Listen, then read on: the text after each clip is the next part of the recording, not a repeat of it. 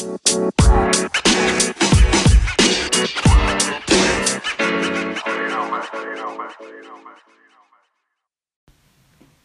Charlene. Hej Ulrika. God jul.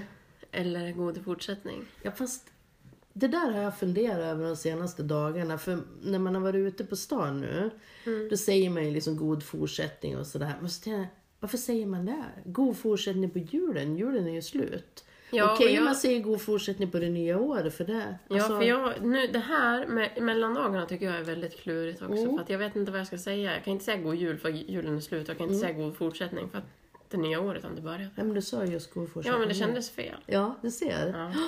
Vi får Så försöka... säger, man kan ju säga hej, god dag. God dag, god dag. god dag fröken.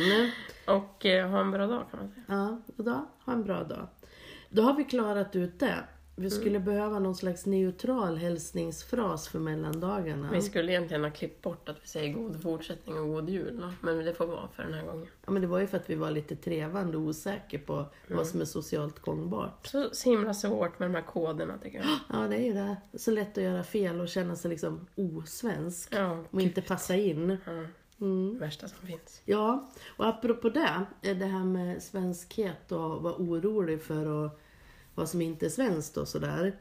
Så var det ju eh, den 27 så var det en stor sån här antirasistisk marsch Mm. för femte året i rad. Sjätte. Sjätte året i rad. Sjätte året, ja. Hade räknat fel ja. Ehm, och där var du och eh, många andra med. Jag kunde inte i år, jag var med de andra åren. Mm. Men vad är det här för någonting? Ja, det är ju en eh, manifestation för ett öppet samhälle, ett öppet Hudiksvall. Och det är Hudik mot rasism, en förening här i Hudiksvall som ligger bakom den. Och den är liksom politiskt oberoende? eller? Politiskt och religiöst oberoende. Mm. Eh, och består av aktiva medlemmar och stödmedlemmar. Men deras, liksom, jag har ju varit med i den här föreningen, jag var med och startade föreningen, men deras liksom inte signum, men det de gör, det är någonting de gör varje år, är ju den här man- manifestationen. Sen gör de massa andra saker också. Mm. Men det återkommande är just det här. Och i år var det ju så många som gick. Mm. Det var otroligt roligt. Det har ju varit lite otur med vädret tidigare år. Mm. Men nu var det ju bra och det var... Hur många var det? Jag vet inte, men det var nog runt... Ja, det var flera hundra. 500 stod det i tidningen. Ja, alltså när, jag, när man gick i tåget och kollade fram och bak så såg man ju inte slutet. Nej, ja, coolt. Mm, det är lite roligt. Och det var, de sa att man skulle gå tre i bredd, men det, så var det ju inte. Utan man gick ju mer packat än så. Liksom. Ja. Det var många människor och det var roligt. Men du, var det fackeltåg? Ja, fackelljusmanifestation kallar man det. Ja. Och sen gick vi från Glysis till IOGT, Mm. lokalen. Och nytt för i år var att man delade ut årets pris till årets antirasist. Eh, och det var så himla, himla kul för att, eller inte kul, men det var så bra för att de som vann var fyra unga tjejer Mm. som blev uppmärksammade under hösten, tror jag det var, för att de hade sagt ifrån till en man som hade varit väldigt eh, rasistiskt otrevlig mot en utländsk kvinna med barnvagn på en busshållplats då. Jaha. Och I de- Hudik? I Hudik, eh, vid eh, stationen. Och de sa ifrån och de filmade det här och det blev liksom tidningsartikel. Och de är ju, de, är, de är ju bara tonåringar liksom. Ja. Och det känns, jag får sånt himla hopp om Ja. framtiden. Och de fick stående ovationer och sådär och det var superkul. Var de stolta? Ja, Ja. men också, man, man känner ju igen sig själv i sån här tonårsflicke Ja. Grejen att de är lite nervösa. Alltså, det är så fint att se tycker jag. Mm, mm. Så det var roligt. Ja. En, eh, det är ett bra, eh, en bra grej så här, att sluta året med att gå med i den där um, manifestationen tycker jag. Ja, som du säger, det känns hoppfullt när man pratar med ungdomar. I alla fall de ungdomar som jag känner och träffar. Att de, eh, ja, de har en helt annan syn på världen än vad många äldre människor har. Ja, verkligen. Om, om vad som utgör liksom, minsta gemensamma nämnare för människor och sådär. Men det är ju inte lätt att säga ifrån till sådana där grejer. De hade väl styrka av varann säkert, men ändå. Han var ju väldigt hotfull den här mannen och gick ju mot dem också. Men Ja, är väldigt starkt gjort, ja, ja. tycker jag. Heja tjejerna. Heja tjejer. alla dagar i veckan. Men du, jag tänker, jag såg på Facebook eh, om det här att Hudiksvalls kommun för första året då, eh, sjätte året gå med med en stor banderoll som det stod något allas lika värde eller sådär på. Eh, vad jättebra grej och det kan man gå med då som medborgare eller om man jobbar där eller så. Men lite som Pride. Precis, det är nästan exakt som Pride, att man går med liksom eh, under en banderoll. Så kan man antingen gå som privatperson längst bak eller sådär, men man kan också välja att gå med Hudiksvalls kommun. Ja. Men vad är det man säger när man går där? Vad, vad, manifestation, vad är det man manifesterar för Ja men att man tycker, det stod ju allas lika värde, men det, för mig är det att vi vill ha ett öppet Hudiksvall. Ja. Och det betyder ju massa olika saker. Ja. Alltså att vi ska vara snälla mot varandra. Men också att, man, att Hudiksvalls kommun är en arbetsgivare som står upp för de här. Och att det, det samlar många under det. Mm. Eh, Det kanske kan vara svårt att gå dit själv. Ja, Men att man, man känner att "Ja, men här kan jag gå. Liksom. Jag tror det är bra. ja. Men också att, att kommunen aktivt går ut och gör reklam innan, går med oss, går med i tåget. Det är ju ganska stort att Ja. man gör det, tycker jag. Ja, man, man liksom sätter fingret på någonting och så Mm. säger man vad man står för. Eh, ja, det pågår också ett arbete i kommunen med, med att man ska använda, införa och använda mänskliga rättigheter. Precis. FNs mänskliga rättigheter som en slags övergripande styrdokument i kommunen. Och Och att vi ska bli en MR-kommun, Ja. kallar man det. passar väl bra i det här. Ja, Charlene, vad ska vi prata om idag? Ja, du har ju snöat in lite på det här med hus... Med husmödrar? Mm, mödrar. Ja, då, Vad är det? Ja, det kommer vi få höra lite mer om sen. Vi kanske till och med får en expertintervju. Oh. Ja, så här vid jul, då är det ju mycket pyssel med hemma och sådär. Och då har vi börjat associera en del runt husmodern och hemmafrun och sådär. Och eh, Charlene som är ung, jag var lite osäker på vad en husmoder var. Därför har vi bjudit in en historiker som eh, har läst en hel del om just husmodern i Sverige. Vill du berätta lite grann om när, när levde hon och, och vad var det som var så speciellt med den perioden? Ja, Alf Pettersson. ja, tack.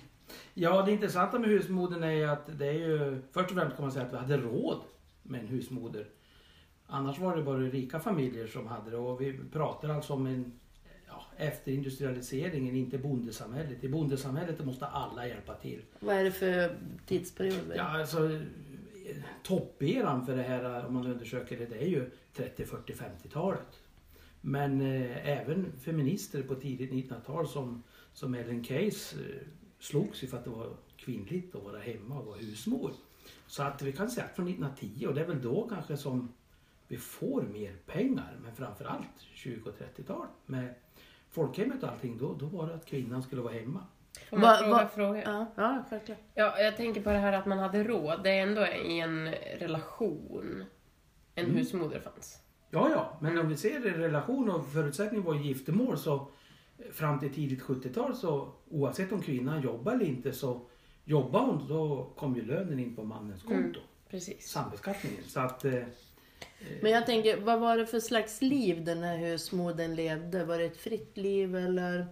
ja, alltså det, jag, jag bara här säger vad Lotta Lundgren sa i, i, i, i tv när Historieätarna. Det är den sämsta perioden i hennes liv när hon gjorde den serien. Och ingen frihet alls. Man skulle sköta hem, fru, hem, hem och man och barn och allting. Och, eh, ja, tyvärr så skulle hon sköta hemmet. I och för sig så kanske hon fick sköta men Hur hade de det med ekonomi och så? ja, det var ju mannen. Hon fick väl veckopeng. Mm. Men alltså till skillnad från just det här med ekonomi, men att sköta allting, vad är skillnaden från idag? Ja, idag så får i alla fall kvinnan pengarna på sitt eget Jo men till skillnad, alltså förutom det där med ekonomin. Med att sköta hem och... Ja, alltså till stor del tror jag. Men jag hoppas och tror att unga kvinnor idag inte accepterar att mannen inte hjälper till. Nej. Det rimliga är ju Hjälper som sagt var, till? Ja, alltså håller, hjälper till i hemmet och som förutsättningen är, och du ser bara att jag säger att hjälper till. Men alltså det finns ju kompisar till mig som säger ibland att man ska sitta barnvakt åt sina egna barn. Ja exakt. Hur fasen kan man sitta barnvakt åt sina egna barn? Mm. Helt sjukt. Men det var ingen speciellt jättelyckad tid i, i kvinnors liv där alltså, eller kvin, kvinnohistorien. Nej, det tror jag nog att det är nog kanske det mest eh, inbundna för kvinnor under hela mänsklighetens historia. Jättebra. Då tackar vi Alf Pettersson för den historiska inblicken i husmoderns historia. Vad säger du Charlene? Hade du velat vara husmoder på 40-talet? Nej, alltså just det här med att inte få, om jag jobbar och så får inte jag lönen. Det känns ju inte alls som någonting jag skulle vilja skriva under på. Men just, alltså hus... Att vara, alltså jag, jag tycker ju om att pyssla. Jag tycker om att koka sylt och baka bröd och odla och hålla på så. Det gör jag. Så att jag skulle, jag, och baka bullar. Jag, jag, jag skulle kunna se mig som en hemmafru. Men man vill ju också göra annat. Liksom.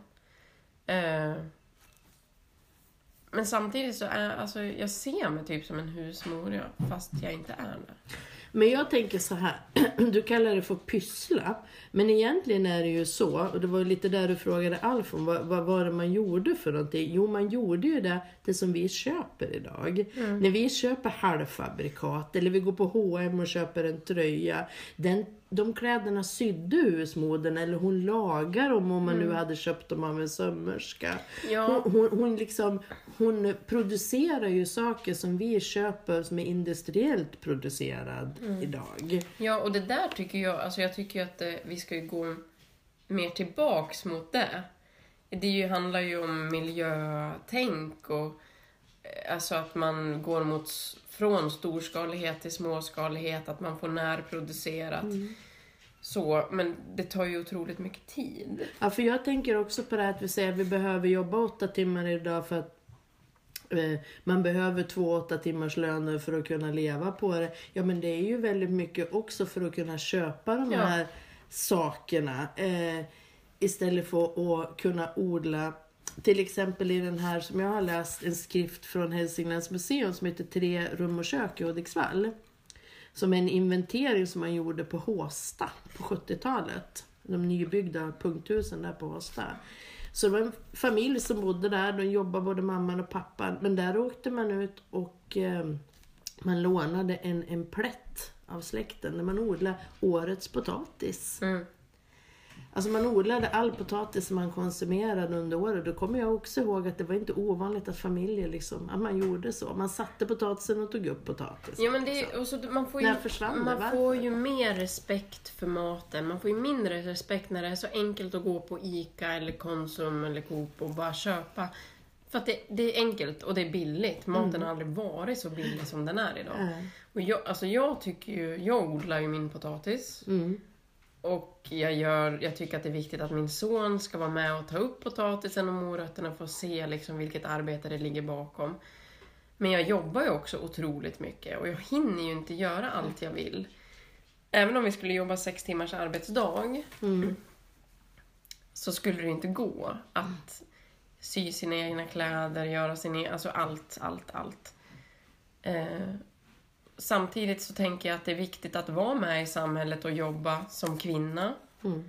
För att vi ser historiskt att när kvinnan inte har varit med så har man ju liksom inte forskat på kvinnliga sjukdomar i samma utsträckning som manliga för att det är männen som har forskat. Mm. Alltså är inte vi med och, och gör saker så kommer ju det bara fokuseras på ett kön. Ja, och jag tänker också på att vi alltid måste vara med och liksom bevaka att de rättigheter som liksom våra förmödrar har kämpat kämpat fram för våran skull. Eh, De rättigheterna måste vi ju ständigt försvara. Liksom. Nu är det sambeskattning finns det ju partier, SD, som vill införa igen. Den som man kämpade för att få, eh, för att få bort på 70-talet, det var ju det Alf pratade om, det var ju då man fick den här, det blev lönsamt för kvinnor att arbeta i, även i en, en gift, i ett äktenskap heter det. Mm. Men ska vi säga det att det, ju det handlar ju inte om att männen har gett eller tagit ett steg tillbaka utan det handlar ju om kvinnor som har kämpat. Ja, ja. Alltså man har ju inte fått någonting serverat. Nej, och, och vad heter det, men det är så lätt att tro att vi har, att, att man alltid har haft så eh, och att det alltid kommer att vara så, men så är det inte. Utan liksom det, ehm, det är alltid någon som försöker ta det ifrån oss och det måste vi väl liksom vara där och bevaka. Och samtidigt så är det liksom, som nu i juletiden när man går in på sociala medier så blir man ju kräkfärdig på alla, allt, eh, lyck, alla lyckliga liv och alla som gör det och det och det och det och det. Alltså det är ju okej att inte göra det också om man, alltså jag tycker att man ska ha en mer avslappnad, för att man är så pressad idag ändå. För att man ska jobba, man ska baka bröd, man ska ha barn och göra det och det och så ska man göra karriär. Mm. Så ska man vara, ha träna och så ska man ha fritidsintressen. Mm. Man hinner ju inte det.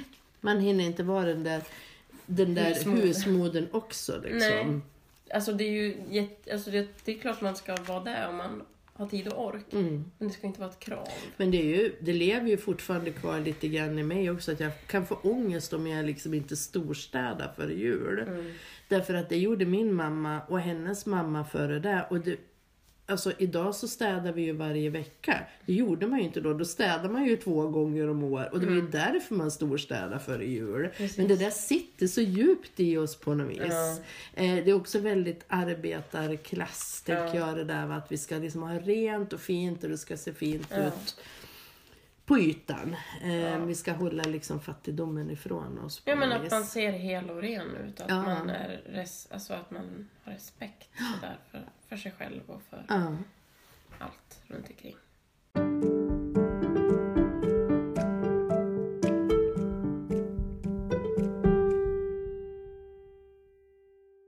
Mm. Eh, jag är liksom här, alltid fascinerad av den här husmorsperioden. En sån här skräckblandad förtjusning. Men vad jag tyckte var mest fascinerande med det nästan. Nu säger jag fascinerande fast det inte heter så, säger Charlene. Vad är det heter Charlene? Nej men jag vet inte, jag, var, jag bara var fascinerad över att du säger fascinerad. Ja, jag säger väl fel jag då, Nej, antar jag. är, jag är ju tät i näsan också. Ja, mm. Ehm, så har vi språk, om språkpolisen kan. Har du någon sån bok här bland alla husmödrar? alla. Nej, men det är ju det att um, allting var ju så naturvetenskapligt då på 30-talet. Man skulle systematisera allting. Så man systematiserar även liksom husmödrandet. Åh, jag, jag går igång på sånt här. Men det är ju så. Och, och det är ju jättespännande. Det var ju då vi fick de diskbänkar till exempel som vi har idag. I Sverige har du ju en standardhöjd på diskbänk. Mm. Det finns ju liksom inget annat land i världen där du har det. Utan, eh, Det är därför Ikea har blivit så stort. Ja, nej men alltså det är ju... Man, man följde liksom, det satt observatörer och gjorde liksom typ räkna stegen som en husmor tog på en dag liksom. Och hur ska vi optimera att placera spisen i förhållande till diskbänken för att spara energi och sådär så, eh, för husmodern. då. Och, och det kom ut en massa böcker, nu pekar jag på en hög, en trave som jag har här i min lilla husmodersbokssamling. Eh, och om det här liksom, så att man, man professionaliserade eh, hem, hemmafrurollen. Kan man säga, och gjorde en husmoder av det då. Men skulle man kunna göra så här? Att man inte, man, vi säger inte att vi ska gå mot det här samhället, husmoderns liksom, tid. Men att vi går mot det rent materiellt. Alltså hur vi, vi lagar våra kläder, vi lagar mat och odlar mat i den utsträckning vi kan. Men det behöver inte bara vara kvinnan som Nej. gör det. Alltså att vi blir husmödrar, både män och kvinnor och Mm. icke-binära. Alltså att man alla... För då så skulle man även kunna... Alltså om alla jobbade s- 50 procent, säger så. Mm, mm. Så om man, om man inte behövde samma summa pengar varje månad. Då behöver man ju inte köpa de här halvfabrikat. Alltså då behöver du ju inte pengar. För man kanske odlar sina egna Ja, grönsaker. och du lagar dina kläder. Och du, då, det skulle vara bra för planeten. Mm. Det skulle vara bra för många relationer, tror jag. Man skulle umgås mer med varandra. Man skulle få liksom... Eh, man skulle inte ta så mycket för givet, tänker jag. Jag tror också att vi skulle äta väldigt mycket bättre. Vi kanske inte skulle kunna äta allt och hela tiden som man gör idag. Nej. Men som när jag tittar på, det finns ju såna matlistor i några av de här husmodersböckerna de tycker man ska liksom göra. Ehm, och, och vad jag blir jätteförvånad över, jag är ju uppvuxen med att man ska äta frukost och sen en, en, liksom en lunch och en middag. Men det åt man ju liksom inte då. Mm. Utan då åt man en väldigt liten frukost och sen åt man en, en, eh, kanske en smörgås med en skiva kalvsylta på till lunch och sen åt man en middag. Liksom. Mm. Och mycket, folk- ja, mycket mindre portioner. mycket mindre portioner fast man jobbar mycket mer Mm. fysiskt. Liksom. Eh, och ja, det är ju liksom väldigt mycket saker som var bra Mm. med det där sättet att leva också. Det är bara det att om, om alla fick vara lite mer fria i det så... Ja, och det går ju inte ihop med dagens livspussel och allt man ska och ska och ska och ska och ska. Men jag tänker, som du säger, det låter ju jättebra, så tycker jag vi kan uppvärdera husmodern. Mm. Eh, Jag skickar ju en essä till dig av Sara Danius som hon har skrivit. Kan du berätta lite grann om den? Den finns på nätet nämligen. Och Ja, nu minns jag inte vad den hette, men hon hade väl skrivit en... essä. Ja, men det var något mer som fanns kring det, eller har jag missuppfattat det då? Ja, hon har en essäsamling har hon skrivit, Ja. men det här är en Husmoderns död heter den. Ja, men det väl, handlar väl om att man liksom har lite, men kanske som jag gjorde innan, att jag sa att, man, att jag tycker om att pyssla. Alltså att man puttinuttar hela husmodern. När husmodern egentligen var Hardcore. hardcore, något jävligt. Alltså, där i, då har man jämfört Bonniers kokbok, då hon har gjort det, analyserat och vad är det då från 30-talet Och 60 och 60-talet och 2010. Och 30-talet där är det liksom bilder och text på hur du spikar upp en ål på väggen för att flå den. Mm. Och med blodiga händer och sådär. Och ju längre tiden går och när man har ombearbetat så är det liksom bilder så att man egentligen inte ser att det är ett djur. Nej. Och det är inget blod, det är inget smuts. Ehm, och lika hur man delar en hummer. Och hur man ska, ja, det, hur det har utvecklats.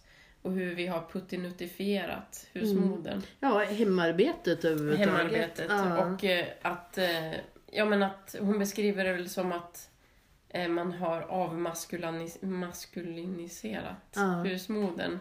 Och att det därför idag syns män i bar överkropp som lagar mat på bästa sändningstid. Ja. Och att män ger ut kokböcker med vilda döda djur på framsidan och gevär på axeln. Ja. De har Eh, försökt reclaima liksom. Ja, precis. För att det, ja. den arenan finns inte. Den är helt tom. Ja. För husmodern har förs- försvunnit. Och den husmodern som finns idag är liksom Cupcake. kanelsnurror. Kanelsnurra, cupcake. Ja, eh, precis. Ja, ja men visst. Mm. Eh, och att eh, en husmoder var ju någon som fick sina händer lortiga liksom. Och blodiga. Mm. Ja. Och det var, alltså det var inte... Eh, Idag vill ju folk inte ens se att det är ett dött djur när de handlar mat. Nej. Nej, men så det fanns mycket goda grejer och Mm. husmodern var betydligt tuffare kvinna än vi visste. Den här finns också på nätet. Eh, googla Sara Danius och husmodern. Husmoderns död heter Ja. den. Så finns den med gratis läsning och den är sä, så den är ju ingen, inte jättelång. Den är en spännande läsning. Mm. Eh, men vad sa du Charlene? Hälften husmoder, hälften yrkeskvinna utanför hemmet? Eller? Ja, eh, precis. Och även män ska vara husmödrar, eller kan vara husmödrar om de vill. Ja, men alltså män ska inte få ha hela kakan ute i arbetslivet för då får ju de ett försprång. Alltså vi måste ju dela lika överallt. Vi måste ta le- För det kan jag känna, alltså nu blir det kanske personligt, men att man jobbar och man eh, har ändå det största ansvaret för hus och hem och barn. Ja. och ska ordna det. Men det är helt omöjligt att kunna ordna det, städa, tvätta och vara tipptopp på jobbet. Ja. Och sen vill jag också spela dragspel och koka min sylt. Mm. Alltså man går ju sönder. Mm. Det hade ju varit mycket bättre om man kunde dela lika lite mer. Liksom. Mm. Ja, jag tänker också på det här heter att även om man hittar en väldigt stark meningsfullhet eh, eh, i eh, ja, odla sin egen mat och snyta sin egen unge eller vad det nu är liksom man vill göra. Så till slut så vill ju barnet ut ur familjens sköte liksom. Mm. Och det vill ju, vad heter det, liksom även mannen och kvinnan som är, man måste ju få göra sitt eget, Ja. liksom sin egen grej och det som är meningsfullt för, för, Jo, för men att det individen. ena liksom. utesluter inte det andra. Man, man ska inte bara jobba, man ska inte bara vara husmor, man ska inte bara snyta sin unge. liksom. Nej, men, men att man kan göra Det, Det ska bra. finnas utrymme för alltihopa. Mm, det vore det bästa. Ja, och det är inte bara det bästa för oss, utan det är ju det bästa för hela världen. Ja. Ehm, men jag tycker inte att vi ska flå ålar. Jag tycker vi ska sluta äta ål. Ja, det har vi gjort nu tycker jag. Ja. Det, kan, det kan vi bara säga. off. Slut med Det var bara ett dåligt exempel på en husmoder. Ja, ja, jo så är det ju. Ehm, så är det. Ehm, Vi, nästa avsnitt kan vi prata om ålens eh, liv. Ja, och Det kan vi Sar- göra. Sargasso. Sargassohavet. Sargassohavet. En person som jag pratade med trodde att det låg i Europa, så det måste vi korrigera. Åh alltså, herregud. ja, det är jättehemskt. Ja, men nästa, det blir ju en cliffhanger. Ja, lite cliffhanger. Det blir ju vår och då så vi kanske kan prata lite eh, växter och Ja, odling. och så. Greetings.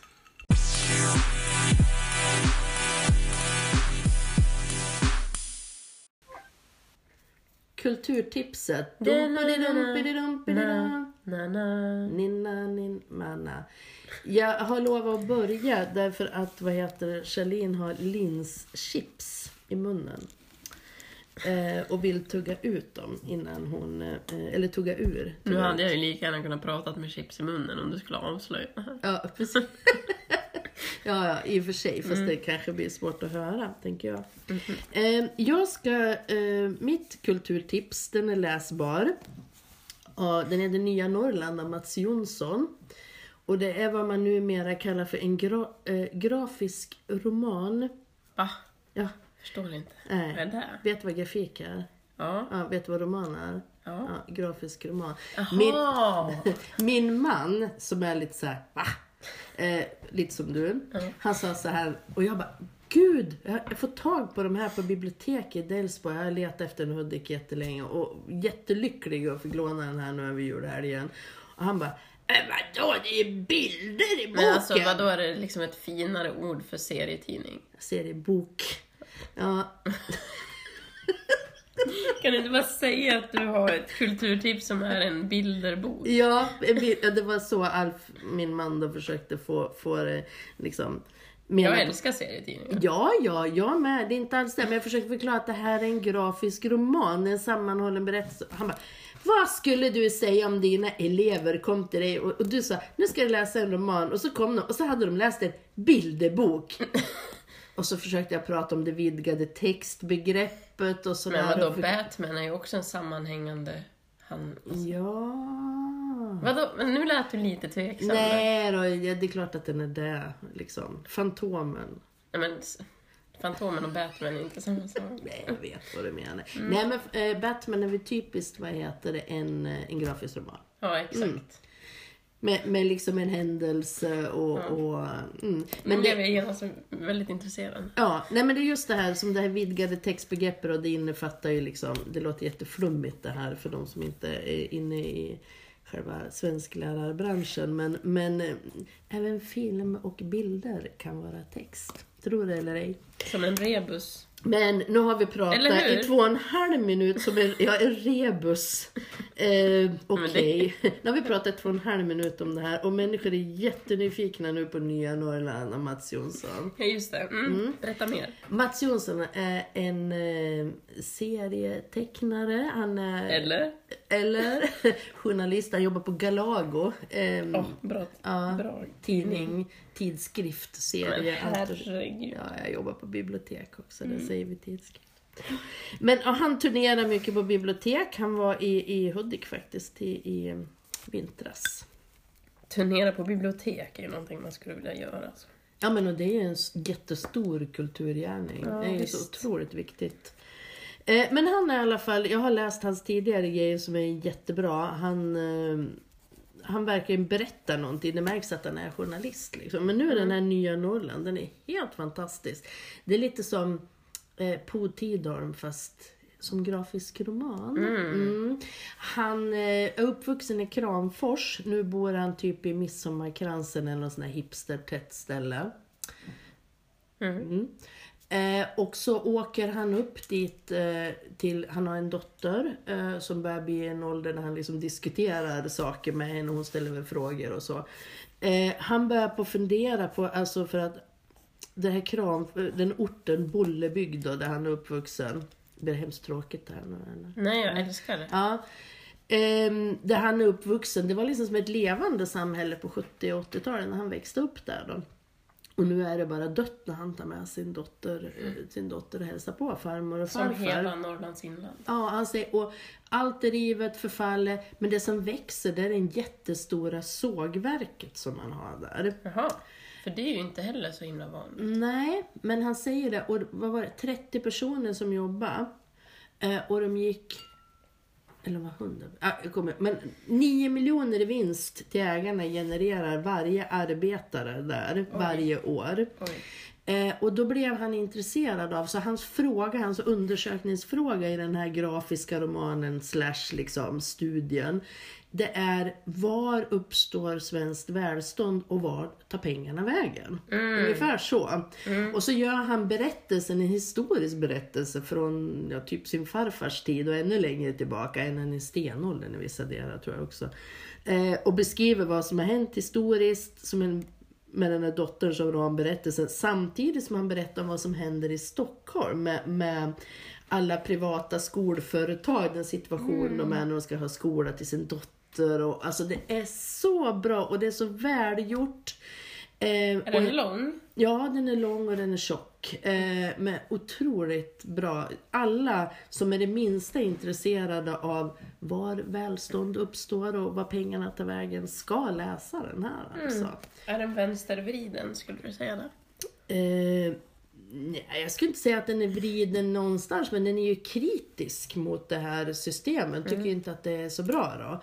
Eh, och framförallt så vill det väl blottlägga och liksom lägga fram och titta på liksom vad, vem genererar vinsterna? Och vem kommer de liksom, eh, vem är det som gagnas av det? Ja, det är ju inte Bollebygdsborna direkt om man säger så. Men Bollebygd, ligger inte det utanför Göteborg?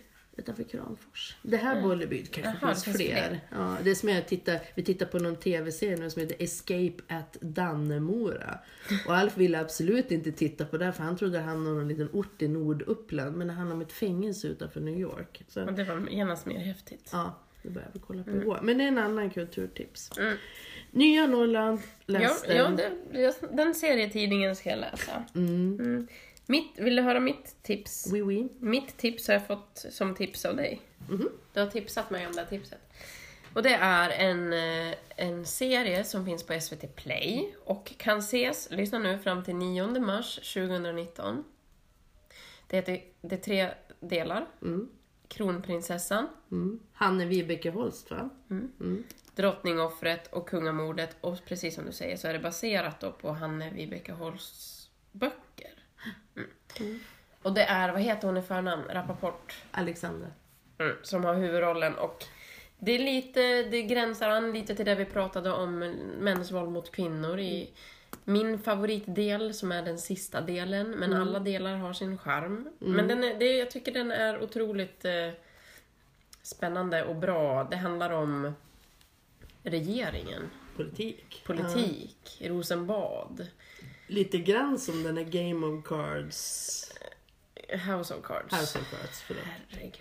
Herregud. Ja, men det är precis. det ju jo, men det är så. Ja. Makt eh, och liksom hur den kan missbrukas och Förändra. förändra världen. Och förändra en annan. Mm. Ja. Ja, men den är väldigt bra. Så det, Mm. det, det är en sån här grej som man kan kolla på så här i mellandagarna. Mm. finns fler bra skådisar i den också. Mm. En från, som kommer, är född i Iggesund. Ja, Susanne Reuter. Ja. Ja. ja, hon är ju otroligt bra i den serien. Ja. Och sen min manliga favoritskådespelare. Ja, men vad heter han? Han är så läskig. Reine Brynolfsson. Bryn Olsson. Det är så konstigt namn som man glömmer bort det tycker jag. Tycker jag. han är ju också väldigt skicklig. Som han hette liksom John Larsson. Skulle du komma ihåg honom då? eller? Nej. Eller Per Nej, Svensson. nej, det var dumt sagt av mig. Nej, men han är också väldigt duktig. Mm. Eh, nej, men det är många eh, kända ansikten i den serien. Mm. Och jag, vet, jag minns inte hur många avsnitt det är per del. Det är lite olika. Det är lite olika, men det är väl alla delar är bra. Men kan man se den även om man inte är intresserad av politik? alltså? Ja, ja, ja. Det, man kan se den om man är intresserad av eh, stickning också. Jaha. Inte för att det handlar om stickning, men den liksom... eh, Jag tänkte, nu har hon sett någonting i den som jag inte har sett. Ja, Men, eh, kanske. kanske. Den lockar alla. Och, eh, Reine och, och en luftmaska. Mm. Ja. Nej, men det, man, och sista avsnittet i sista delen... Nej, nu kanske jag inte säger rätt, men man får sån upprättelse. Inget spoiler alert, spoiler alert, eller? Nej, nej, men man mår bra. Alltså man mår väldigt dåligt och så mår man väldigt bra. Ja, som en bra kulturupplevelse en ska bra vara kulturupplevelse. egentligen. Mm. Skaka om och ge hopp. Precis. Och, och SVT Play som sagt. 9 mars. Sista dagen. Mm. Be square.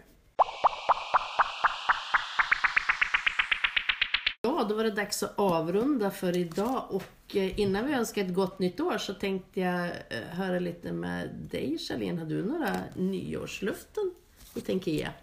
Som vi Ja, kan hålla dig till svars för under resten av året. ja, alltså jag brukar inte gilla sånt här. Varför? Jag vet inte, alltså jag känner mig tvingad. Jag tycker inte om att känna mig tvingad. Eller jag har, jag är en sån här människa som hela tiden ger löften till mig själv och jag gör, om jag gör det här då får jag göra det här. Så Ja. Belöning. Får jag läsa det här så får jag spela Zelda en kvart. Eller typ så. Men så blev jag intervjuad av en tidning idag för en enkät om nyårslöften och då bara mm, droppade jag två löften som jag nu har. Så där drog jag upp dem i fickan bara? Ja, så de är inte så genomtänkta men eh, de känns okej ändå. De Jag- är ute i offentligheten? Ja, så nu ja. måste jag, nu måste jag bara göra. Ja, let's go. En bok i månaden ska jag läsa. Mhm. Men det, det, det kan jag gå med på. Börja med Nya Norrland kanske? Nej, jag håller på att läsa Fallna kvinnor nu här. Mm, det Men det är ju inte bra. förrän nästa år. Nej. Ja, så nu, än behöver jag inte läsa. Eh, och sen ska jag springa minst en mil i veckan. Alternativt promenera om jag är sjuk. Mm.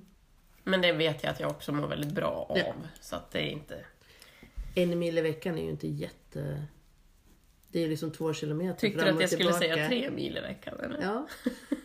Nej. Nej, det är väl bra. Eh, Jag hörde ett tv-program idag att det är väldigt dumt egentligen att, att liksom göra så här, ge sådana här löften. Utan det är bättre att säga, liksom, istället för att säga jag ska sluta äta socker. Gud vad liksom, tråkigt. Ja. Så ska man säga jag ska börja äta hälsosammare mellanmål. För då liksom, Ja, jag skulle kunna säga jag ska springa varje vecka. mm, eller springa mer än vad jag gör. Ja, men nej, det vill jag inte göra. Nej. Jag vill fortsätta springa så... Så mycket, så mycket som jag har lust med. Mm. Men jag har någonting som är ganska revolutionerande och kanske lite provocerande. Min man blev ganska provocerad när jag föreslog det. Du ska börja med LCHF. ja, visst. Eh, nej, vad heter Då det? hade jag faktiskt sagt upp kontraktet. Ja, nej, då- man blir så konstig då. Man blir så otroligt provokativ på sociala medier när man börjar med det. Ja, så får man Så- inte äta bröd. Nej, nej men precis. Det är därför man blir så där otrevlig. Jag tror man behöver lite bröd. Eh, nej, men förutom det sedvanliga om att banta och röra sig och sådär så, så har jag avkrävt min make ett löfte om att vi ska ha en skärmfri dag i veckan. Oh my god! Ja. Hur tror du att det går? Ja, alltså, ska du inte jobba den dagen då eller? På jobbet? Jo men jag tänker, Är det är- verkligen är ett-? Det är ett privat löftes liksom. Jaha, ja, men då måste du lägga till där. Ja, men en skärmfri dag i privatlivet. Om det är tvunget att det är saker jag måste göra för att jag är tvungen. Typ gå på fullmäktige och sådär. Men om du sitter och jobbar och så bara, oj, nu plingar det till på Facebook här. Mm, vad gör du då? Fast det, egentligen så handlar det här löftet om att eh, lite grann som du, vi vill läsa mer böcker. Mm. Vi vill prata mer med varann. Eller vi, han vill det nu efter jag. Alltså jag ska inte... Vi, jag, ska, vi, vi vill spela jag känner mig spel. lite provocerad av att du sa så här. Ja, mitt är mycket bättre än sån här tränings och matlöfte. så därför gick jag igång. Men annars tycker jag att det är ett jättebra, Mm, jättebra nästa, år, nästa år kommer du ha det där också. Jag tar dina året efter. Mm. Men ska vi gemensamt säga från oss alla till er alla En ett riktigt riktigt gott, gott nytt år!